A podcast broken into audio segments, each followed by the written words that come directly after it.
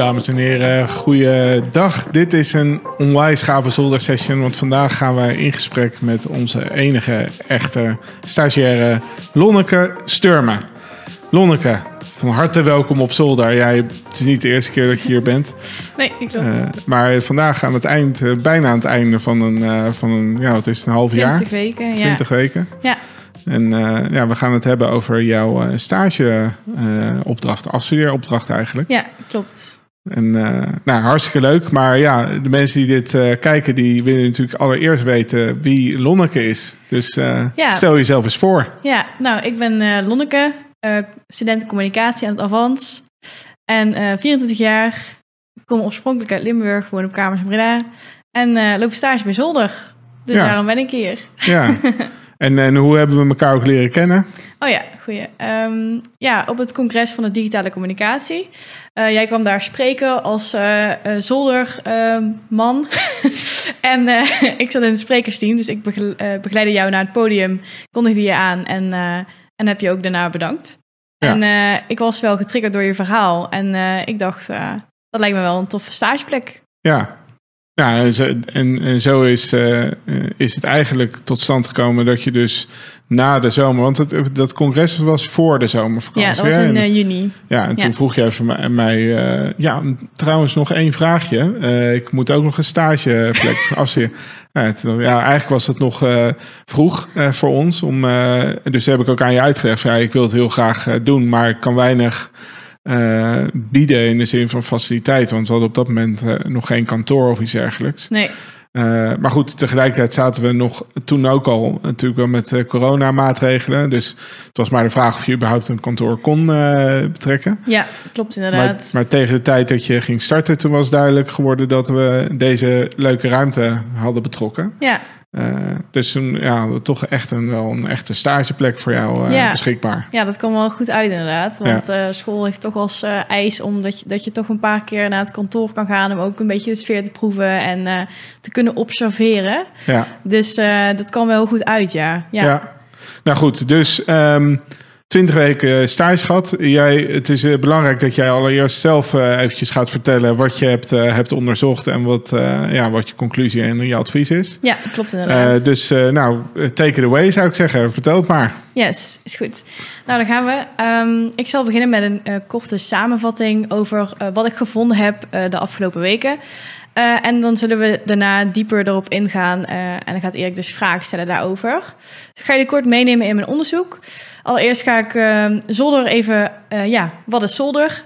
Zolder biedt digitale bescherming voor de technologie van de toekomst. En daarvoor hebben ze een app ontwikkeld. En dat is ook het grootste onderwerp van mijn onderzoek Ethic. En eh, Ethic eh, biedt eh, bescherming voor de cloud-omgeving van de gebruikers. Door middel van notificaties die je bijvoorbeeld binnen kan krijgen op je telefoon. Waarna je met één klik eigenlijk je cloud-omgeving beter beschermt. Ehm, ja, de doelgroep van Ethic was op het begin eigenlijk toen ik begon de MKB'ers. Deze hebben we op een gegeven moment afgebakend naar ondernemers met 2 tot 10 medewerkers in West-Brabant. En uiteindelijk ook eh, vooral de financiële dienstverlening. Ehm, ik zal even klikken. Hier zien we nu Ethic. En ja, eh, de aanleiding van het onderzoek is eigenlijk voornamelijk eh, dat ehm, eh, jullie op dit moment de bedrijven hadden met 500 tot 2000 medewerkers. Dus echt de grotere bedrijven. Terwijl Ethic eigenlijk bedoeld is voor de MKB'ers. Eh, en daarom gingen we dus op zoek naar, oké, wat houdt de kleine ondernemers tegen om Ethic eh, ehm, als aan te schaffen, zeg maar. Ehm, en de urgentie van het onderzoek is, ja, de groei van zolder is erg belangrijk en eh, het onderscheidendheid van tegenover concurrentie, want Ethic is natuurlijk iets onderscheidends tegenover andere mensen of andere bedrijven die ook cybersecurity aanbieden. En eh, de groei van zolder eh, kan mogelijk gemaakt worden door Ethic. Ehm, ja, pro- probleemdefinitie, ik zal hem even opnoemen. Eh, MKB'ers zijn zich niet bewust van het risico dat ze lopen om slachtoffer te worden van cybercriminaliteit. En daardoor voelen ze zich niet aangesproken door de diensten van Zolder. Ja, de hoofdvraag had ik net al een beetje uh, verklapt. Uh, wat weerhoudt ondernemers gevestigd in West-Brabant met 2 tot 10 medewerkers om Ethic te leren kennen en de app aan te schaffen, zodat ze beter beschermd zijn tegen cybercriminaliteit? Um, ik ga meteen door naar het antwoord, want daar wil ik het vandaag het meest over hebben. Het, we hebben te maken met een re relevantieprobleem en het onderscheidend vermogenprobleem. Uh, dit houdt in dat de doelgroep zich dus niet uh, als doelgroep aangesproken voelt. Dus ze hebben niet in de gaten dat het product dus interessant is voor hen. En ze hebben het idee dat ze het product dus bijvoorbeeld al hebben. we hebben dus te maken met verschillende marketing-communicatiebarrières. En die zijn ook verbonden aan de verschillende persona's die ik heb opgesteld. Daar zullen we dadelijk nog wat meer op, op ingaan. maar wat ik daarover wil zeggen is dat dus de onwetende, dus die je helemaal links ziet, uh, heeft het idee dat uh, zegt dus van uh, ik ben niet interessant voor cybercriminelen. Ik heb niks te bieden, ik heb geen gegevens die ze kunnen stelen, dus mij pakken ze niet. de uitbesteder heeft als barrière ik heb al iemand die het voor mij doet. Dat is eigenlijk een ICT-dienstverlener die misschien wel iets daarvoor kan doen, maar nooit volledige bescherming biedt. De beseffer is eigenlijk een soort van wens, doelredenering van Zolder, maar die uit onderzoek blijkt toch een aantal momenten heeft dat die naar voren komt, maar wel minder als de andere persona's. En de kenner, daar zal ik straks op ingaan in het advies. Um, ja, dit zijn dus de barrières waar we mee, iets mee moeten doen. En we kunnen hier dus op ingaan door um, ja, de barrières zullen dus uh, ja, overbrugd moeten worden, zo noemen we dat. Uh, en daarvoor zal Zolder de overtuiging van de persona's uh, moeten veranderen. Dus de barrière bijvoorbeeld van de onwetende, ik ben toch niet interessant voor cybercriminelen, moet veranderen naar, um, oh, ik ben interessant voor cybercriminelen en ik heb daar iets voor nodig. Um, ja, de strategie die we daarvoor gaan uh, gebruiken uh, is uh, informeren en overreden. En daarbij gebruiken we de informationele positioneringsstrategie. Die gaat in op hoe kan ethic het probleem oplossen. Dus hoe kan ze zien dan nog niet het probleem, maar dat gaan we dus hen wel vertellen. En vervolgens laten we zien hoe Ethic dus dat probleem oplost. Dus eigenlijk de cybercriminaliteit tegenhoudt. Uh, daarbij is een uh, creatief concept bedacht, Ethic Safer with One Click. Uh, laat eigenlijk zien dat ja, Ethic eigenlijk heel eenvoudig werkt voor de ondernemer, maar gaat ook vooral in op de zorgeloosheid die ze op dit moment hebben. Dus um, ja, een ondernemer is zorgeloos en dat is eigenlijk onterecht, want ze zijn dus wel tastbaar voor cybercriminelen. En dan willen, ze, willen we dus dat duidelijk maken dat ze dus wel ja, slachtoffer kunnen worden. En vervolgens gaan we ze laten zien dus dat ethic hetgeen is uh, wat ze nodig hebben om zich beter te beschermen daartegen. Uh, als interventie daarvoor hebben we een cross-mediale combinatie bedacht. Dat is een, uh, een combinatie tussen online en offline media. en een combinatie tussen paid media, dus iets wat je uitbesteedt. shared media, dus een soort van... Um, hoe noem je dat? netwerk dat je ook uh, neemt van een ander soort uh, uh, organisatie. En we hadden owned media. Um, en we beginnen met paid media, daar hebben we een video voor bedacht. daar gaan we dus laten zien dat iemand slachtoffer is geworden van cybercriminaliteit, waar een ondernemer, dus de doelgroep, zich mee vergelijkt. Dus die denkt dan van, oh, ik kan dus wel slachtoffer worden. Waarna we dus met retargeting ingaan op de um, waarde van de app. Waarom zou je Ethic aan moeten schaffen? Wat uh, maakt dat het uh, zo fijn is om te hebben? Um, en met uh, offline media gaan we dus voorlichting geven. En daar willen we de politie proberen bij aan te haken. Dus de regionale politie. Um, en verder rest, even kijken, heb ik alles gezegd wat ik wil zeggen. Oh ja, het advies heb ik ook nog. die gaat onder andere over de kenner. De kenner, daar ben ik net minder op ingegaan. Dat is de MSP'er. Dat is dus een, uh, een managed service provider. Die heeft veel klanten waar uh, eigenlijk goed voor bedoeld is. Maar een MSP'er zou als roer zeg maar, kunnen dienen om uh, die, ja, die Ethic dus bestuurt. maar voor zijn klanten. Dus dat zou een hele mooie doelgroep zijn voor Zolder. En wat ik daarmee um, wil aanraden, het, je ziet vaak dat B2B um, heel erg een gunfactor is. Dus maak gebruik van jullie netwerk. Jullie hebben heel veel mensen die uh, in dezelfde branche zitten, waar jullie eigenlijk heel veel mensen al van kennen. Dus maak daar gebruik van. Uh, door middel bijvoorbeeld van een nieuwsbrief met hoe werkt het als je Ethic aanschaft. En uh, wat zijn de voordelen van Ethic, kun je al heel veel um, misschien MSP'ers bereiken. Um, Daarnaast heb ik als advies, blijf doorgaan met beurzenbezoeken, sponsoring. Je maakt daar je naamsbekendheid veel groter mee.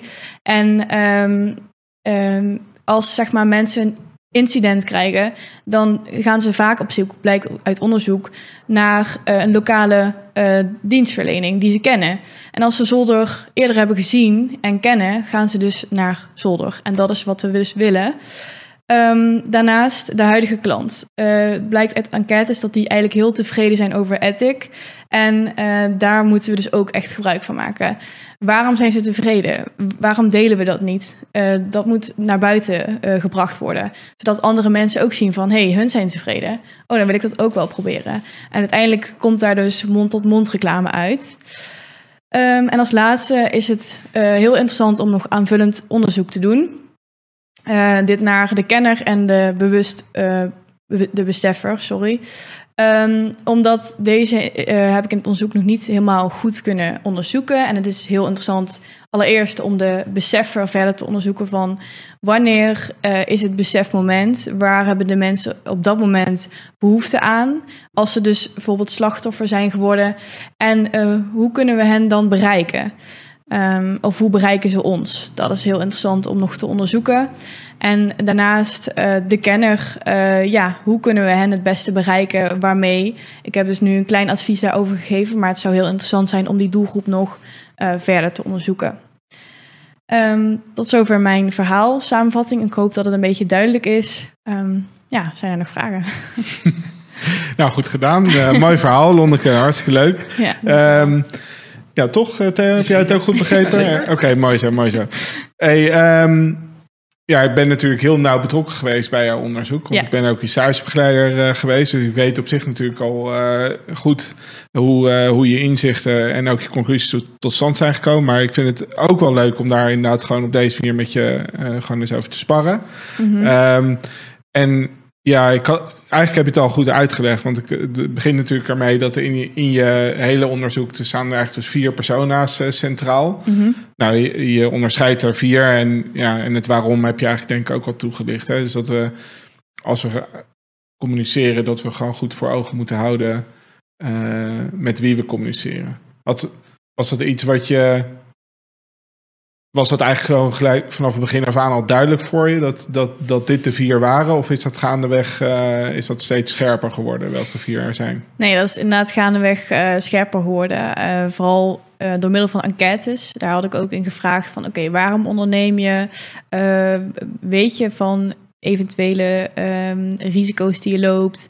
En daar kwamen echt wel verschillende antwoorden uit. En die kon ik wel een beetje uh, groeperen, zeg maar.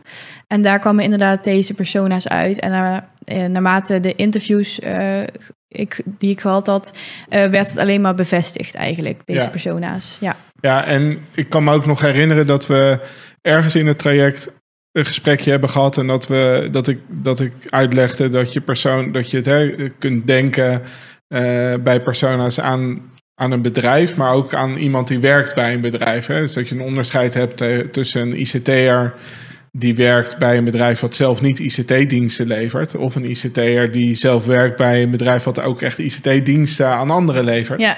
En dat dat dus wel twee heel verschillende contexten zijn waarin we uh, dan actief zijn. Ja. Dus als we nu zeggen persona's, hebben we het dan over bedrijven of over personen? Um, ja, personen. Ja, ja. Ondernemers. Ja. ja. Dus in dit geval zou iemand die een kenner is, zou net zo goed een MSP-dienstverlener kunnen zijn. Als een, ja, iemand die gewoon heel veel weet van ICT, maar bijvoorbeeld bij een retailbedrijf of iets dergelijks werkt. Ja, ja. klopt inderdaad. Um, maar ik heb hem in mijn onderzoek wel echt als MSP'er neergezet. Ja. Uh, ook in het advies, zeg maar. Ja. Uh, maar ja, in principe qua gedrag en, uh, en persoonlijke waarde zou het inderdaad een eh, Ja. andere persoon ook kunnen zijn. Hebben we ja. trouwens in deze video uitgelegd wat MSP'er betekent? ja, ik heb het net proberen uit te leggen. Managed Service Provider, maar Nou, je weet in ieder geval waar de afkorting van staat. Dus dat is wel Ja. goed, eh, zo'n winstpunt. ja, misschien zou je het nog een keer duidelijk kunnen toelichten. eh. Ja, managed service, dat wil dus eigenlijk zeggen dat, dat een club voor jou het ICT beheert. Managed, dus beheren. Eh, en nou, dat betekent dat als, als jij bijvoorbeeld gebruik maakt van een e-maildienst van Microsoft. En, eh, en er komt er iemand nieuws bij jou werken, dan ga je niet zelf een e-mailadres voor die persoon aanmaken. Maar dan vraag je dus jouw externe MSP'er om dat te doen en de juiste instellingen te activeren. Daar komt het op neer. En eh, de meeste organisaties die klein zijn, die hebben, hebben zo'n MSP'er. En die noemt zich misschien dan niet zo, maar het is gewoon hun IT-bedrijf. Mhm. Ehm, eh, en wij, wij hangen daar allemaal de, de, de naam MSP'er aan. Daar komt het op neer. Ja, Oké, duidelijk. ehm, nou goed, je hebt die enquête uitgevoerd. Wat, wat waren, wat jou betreft, nou de meest opvallende bevindingen? Ja, die heb ik even voor je neergezet. Ik heb hier bijvoorbeeld, ehm, dit is trouwens wel uit het interview. Ehm, Even de slide in beeld brengen.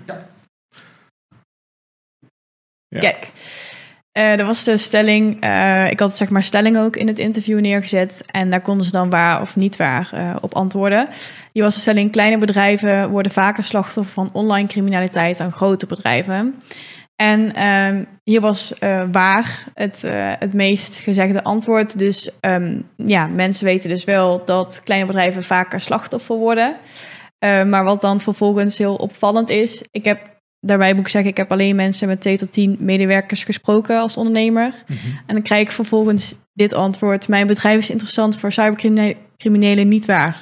Ja, Ja, het is wel, dan denk je, maar je zegt net dat dus kleine bedrijven wel vaker slachtoffer worden, maar zelf ben je niet interessant. ja.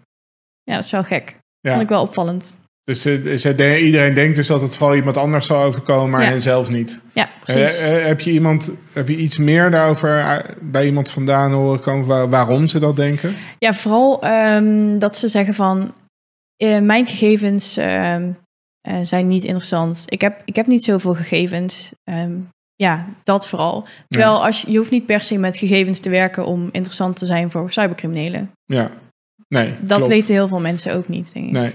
Nee, klopt. Nou ja, en, het, en de andere kant van het verhaal is natuurlijk eh, dat in die volgende, volgende slide, waar je dan kleine bedrijven versus grote bedrijven noemt, dat jij natuurlijk ook heel goed weet dat er ook wel heel veel meer kleine bedrijven dan grote bedrijven zijn. Dus als ze allemaal eh, even vaak van spreken procentueel slachtoffer zijn, dan heb je natuurlijk veel meer kleine bedrijven die slachtoffer worden dan Ja. grote.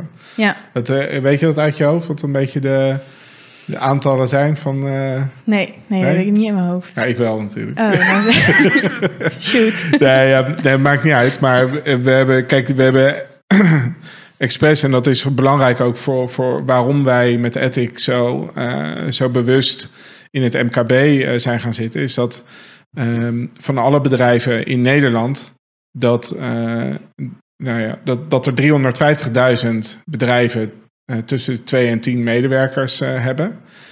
Dat is gewoon het absolute aantal in Nederland. Maar dat er 1,6 miljoen ZZP'ers hebt.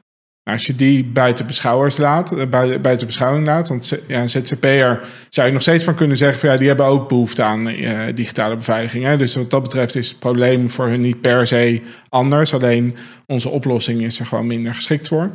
Ehm, dus als je die, eh, al die, die hele markt beschouwing laat en je pakt dus bedrijven met twee of meer medewerkers, dan is 84% daarvan zit in de eh, range van 2 tot 10 medewerkers. Dus Ja. het is een enorme groot gedeelte van het aantal bedrijven. En dat betekent ook dat, dat er waarschijnlijk ook naar die persona's gekeken, weet je, elke smaak, eh, eh, elke vorm komt voor. En, en omdat het er gewoon zoveel zijn in totaal, blijft er, is er altijd een verschrikkelijk groot aantal bedrijven wat je waarschijnlijk op de een of andere manier kunt, eh, kunt bereiken. Dus Ja. dat- en dat, dat maakt het voor ons heel interessant. Dus dat, ja, dat we echt over schaal kunnen nadenken. En dat is, dat is ten opzichte van andere cybersecurity diensten heel ongebruikelijk eigenlijk. Ja. Dus veel vaker heel erg specifiek gericht op, op- ja, en op maatwerk dus. Ja. Maar goed, dus dat, ehm, dat is dan wel interessant. Dus het twee, eh, tw- 22% van de, van, de, van de beantwoorders uit mijn hoofd, die gaf aan dat ze beseffen, zich beseffen dat ze een risico lopen. Hè? Dus eh, ze geven aan dat ze denken uh, mogelijk slachtoffer te kunnen worden van cybercriminelen. Maar het, de rest is allemaal die denken van nou, dat zal mij niet overkomen. Ja. Ja. Ehm, dit was uit interviews? Of welke? Ja, volgens mij was dat het, het plaatje wat we net voor ons hadden. Dus Oh. die eh 78 en 22 Oh, ja, die, procent, ja. dacht ik. Oh, 18 procent en 18. 82 zelfs. Ja, Ja, oké. dus veel mensen denken dus dat ze... Oh, dat treft mij niet. Ja, dat zie je heel veel terug. Ja, Wel opvallend. Dus eh, wel interessant. En ehm, wat we nog meer hebben gevonden, ja, als ze dus een, wat ik dus net ook in mijn advies zei, als ze dus eh, eh, slachtoffer worden, dan gaan ze dus of op internet op zoek, Ja. of ze vragen hun netwerk om hulp. En daarom is het dus zo belangrijk dat je namensbekendheid creëert. ja, ja. Ja, ik, eh, ik weet nog dat je deze vraag ook stelde en dat we inderdaad ook keken naar die antwoorden. Van, het was een beetje bevestigend wel, want ik had zelf ook wel verwacht. Want je kan ook zelf, weet je wel, gewoon nadenken en denken, oké, zo, zoiets komt, wat, wat doe je dan? Weet je wel? Ja. En, ja, ja, zoeken. Gewoon eh googelen maar, weet je. En eh, ja, de ene keer afhankelijk van wat voor soort probleem je hebt, ja, zoek je naar een website. En de andere keer zoek je echt naar een adres van een Ja. bedrijf of weet ik wat. En om daar naartoe te kunnen rijden of te bellen. Ja, klopt. dat is waar. Maar, eh, maar je begint toch gewoon te zoeken met, met iets van wat een specialisme heeft.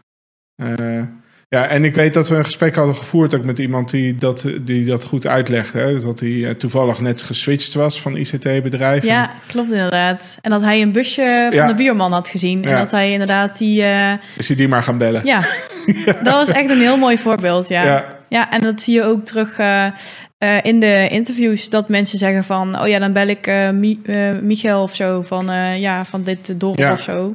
Ja. Want ja, er zitten ook heel veel bedrijven gewoon in kleine dorpen en die kennen elkaar allemaal. Ja. Ja, dat zie je ook heel veel terug, ja. ja. Oké. Ehm, nou heb je ook dus inderdaad vastgesteld, zei je net ook iets over, dat we een vrij hoge NPS hadden. Ja. Kan je nog even toelichten wat de NPS ook weer is? Ja, daar heb ik ook een slide voor. Ja, de 71 scoren, dat is echt wel hoog. Ehm, ja, zou je Ethic aanbevelen aan een vriend of collega? Dus daar waren dus best wel veel mensen die dus eh, daar eh, ook tienen op gaven. Ook wel interessant. Hm. En daar dus eh, ja, deze ehm, eh, argumenten daarbij gaven. Dus echt alsof er een soort van extra collegaatje erbij is. Of zich veel, ja, veel veiliger voelen nu. En eh, dat het gewoon een fijne controle is. En het gewoon ja, direct toepasbaar is. Ja, dat zijn dus wel echt goede grote complimenten die eigenlijk ja, meegenomen kunnen worden in, eh, in, de, Ja. in de media. Ja, want eh, nog even NPS. Kan je nog even zeggen voor de onbekende? Ja. Net promoter score. Net promote score. oh, dat is erg. Nee, dat is helemaal niet erg. Net promoter score. En de 71, kan je uitleggen wat dan 71, het getal 71 zegt? Ongeveer. Ja, je hebt zeg maar. ehm, ehm, ja, wij hebben dat op school gehad met smileys. En eh, de, van eh, volgens mij 80 tot en met 100 zijn blije smileys. Ja. En dat betekent dat ze je dus echt aanraden en dat je dus mond-tot-mond reclame promo- promoters ja, promoters hebt, Ja. inderdaad. En eh, daaronder tot en met vijf of zes, volgens mij, is oranje. Dus dat is dan wel positief, maar niet echt dat ze promotors zijn. En daaronder is negatief. Dus Ja. die raden het af. ja, volgens mij is het zelfs dat zes, tussen 6 en 8, dat zijn eh, passives. Oh ja, ja, Dus die, ja, dat is wel leuk dat ze je een voldoende geven, maar daar, daar ja, dat is niet goed eigenlijk. Hè? Nee. Ze moeten echt, echt tevreden zijn en dan geven ze je een 9 van 10. En, ehm, ja, en ontevreden, dat is helemaal duidelijk. En volgens mij, uit mijn hoofd, eh, was het zo dat, dat het getal 72 zegt dan eigenlijk het verschil tussen het, pro- het percentage promoters en het percentage eh, ja, ontevreden. hè? ontevreden, ja, Ja, passives. Dus eh, Maar volgens mij zaten er geen passives tuss- tussen, Nee. maar was het vooral die eh, Ja. ehm, oranje en Ja. die eh, groene. Nou ja, het, dat is ja, echt wel goede scoren. Ja, vond ik ook inderdaad. Dus Oké. daar eh, is zeker iets eh, om mee te doen, zeg maar. Ja, En die score te behouden is ook heel belangrijk. Ja, ja zeker weten. Ja. We moeten gewoon voldoen aan eh, wat, wat ze verwachten, denk ik. Ja, Ehm, of ja, iets, ja, dat overstijgen, hè, daar gaat, dat is dan het idee. ja. Hey, en ehm, je, je hebt ook een, eh, eh, je raadt dus aan een video te maken en daar heb je ook een storyboard voor uitgewerkt, Ja, toch? die heb ik Nou, ik ben wel uitgewerkt. benieuwd. Komt die... Ja, dit is de storyboard. Nice. Ja, dit gaat in principe over ja, een ondernemer die dus te maken krijgt met CEO-fraude. Een heel vaak voorkomende eh, fraude eigenlijk. Ehm, en ehm, ja, dat laat gewoon het, eh, het verhaal zien. En laat dus ook zien van, hey, jij kan ook slachtoffer worden. En ehm, vervolgens gaan we eh, hen dus ethic alerts laten zien. Dat ze ze dus in kunnen schrijven voor vijf mailtjes met een tip. Ja, En dat is dan een goed begin. Dat is zeg maar freemium dan van Ethic. Waarna ze dus zich misschien, eh, of mm, ja, dat is de bedoeling dat ze zich dan inschrijven voor Ethic. ja. Ja. Ja, leuk. En ehm, de, je hebt dit inderdaad bedacht met, eh, dat beschrijf je ook in je, in je, in je rapport met, eh, met Max. Ja. Hè, met Anne van Max. En eh, Max is onze dienstverlener nu als het gaat om online marketing. Mhm. Ehm, en die ethic alerts, dat is uiteindelijk waar het op, wat het doel is. Hè? Dus dat is een soort van mensen die getriggerd worden door de boodschap, die, dat ze zich in eerste instantie inschrijven voor de nieuwsbrief. En dat we proberen om ze vanuit daaruit steeds meer geïnteresseerd te maken in onze betaalde diensten. Ja, Dat zo werkt. inderdaad. En ehm, uit dit storyboard, voor, voor welk van die persona's is dit nu vooral bestemd? De onwetende. Ja, ja. ja. de, het, ehm, de strategie en de eh, interventie is vooral gericht op de onwetende. Omdat ehm, ja, Max, internetbureau, zich dus eh, heeft gefocust op de, de beseffer. En Ja. om daar dus eh, soort van op in te spelen en dus niet te gaan overlappen en iets anders te gaan verzinnen, heb ik daarop aangesloten en dan gekozen voor een andere persona om zo het bereik groter te maken. ja. Ehm, en met dit storyboard eh, kun je dus de onwetende eh, bereiken, maar met de retargeting zou je in principe ook de beseffer kunnen bereiken, want daar ga je in op de waarde van de app. Waarom Ja. moet je dit downloaden? Wat voor probleem lost het op? Dus dan heb je ze ook weer beide. Retargeting wil zeggen van ze hebben zich ingeschreven daarvoor en we gaan ze nu ook andere berichten sturen. Eh, nee, dan eh, zeg maar Anne zei tegen mij, eh, ze kan dus zien wie die video, die eerste video waar het storyboard voor is, dus heeft gezien. Ja, En vervolgens gaat ze die mensen dus weer die retargeting sturen. En wat die vorm daarvan is, is nog vrij. Kan een video zijn, kan een, eh, een plaatje zijn, ja, eh, waarin dus eh, de waarde van de app naar voren komt. Dus de mensen hebben, die dat zien, hebben sowieso de video ook gezien. ja, dus dan ga- het concept als dat dan terugvertaalt naar de persona's, is de gedachte dus door, door ze in eerste instantie deze video te laten zien, gaan ze van onwetend naar beseffer. En vanuit dat perspectief kunnen we ze goed be- beter vertellen over onze oplossing en Ja. ze daarvoor eh, Ja. interesseren. Ja. Want het, het blijkt dus zo te zijn dat ze zich niet aangesproken voelen als doelgroep. Mhm. En eh, door die video gaan ze inzien van... oké, dus ik ben wel... ehm, een, een, ik kan eventueel slachtoffer worden. ja. En vervolgens, omdat, door die retargeting, gaan ze dus, eh, staan ze meer open voor een oplossing. Ja. En nou zeg je iets in, eh, aan het begin van je rapport over ehm, campagnes die er al eh, zijn, hè, die zich echt richten op mensen die zich ja, onbewust eh, of onvoldoende misschien bewust zijn van, eh, van risico's. Ehm, maar gaan wij dan niet op deze manier hetzelfde proberen te doen als wat er al is aan campagnes? Ja, ja ik snap eh, die vraag. Ehm, eh, dat klopt. Eh, veel campagnes, je ziet eigenlijk dat ze niet werken, want in de interviews ehm, eh, ja, komt ook vaak van voor dat alsnog mensen niet weten dat ze risico lopen. Ehm, maar de combinatie van die video en de retargeting maakt dat ja, de besef voor korte duur even in die persoon opkomt.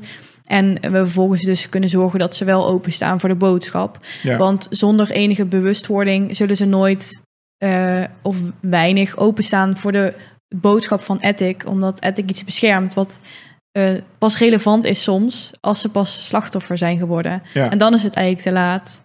Dus je wilt, ze eigenlijk, ja, je wilt eigenlijk daarvoor al gezien worden. Ja, dus, je, dus eh, wat je nu zegt is ook dat stukje over korte, korte duur. Hè? Dus Ja. het is ook zo dat iemand even kort beseffer kan zijn en daarna weer terugvalt naar onwetend. Althans, zich zo gaat gedragen weer. Ja, Ja. klopt. Want dat heb ik ook gezien in één interview. Eh, die persoon was eh, slachtoffer geworden van eh, cybercriminaliteit. CEO-fraude toevallig ook. En ehm, diegene heeft toen het systeem wel wat beveiligd. Maar op dit moment vroeg ik of hij dus ehm, meer zou willen beschermen. En daar was dan, nee, dat, dat, we dat, Dat hoeft hoefde niet. niet. Ik Nee. ben niet, nee, dat, ja. En hij, hij dacht ook nog steeds volgens mij dat hij niet eh, zo interessant was voor Nee, precies. Ja. Ja. ja dus, precies, ja. Dus, dus dat, dat geven we aan en ik herken dat in de praktijk ook hoor. Dus dat is eigenlijk over het algemeen eh, zo. En je hebt zelfs hele gevleugelde gezegdes eh, in, in, het, in de wereld van beveiliging, zoals eh, never waste a good crisis. Hm. Dus als er een keer iets aan de hand is, dan moet je eigenlijk jij op dat moment klaar zijn om dingen die.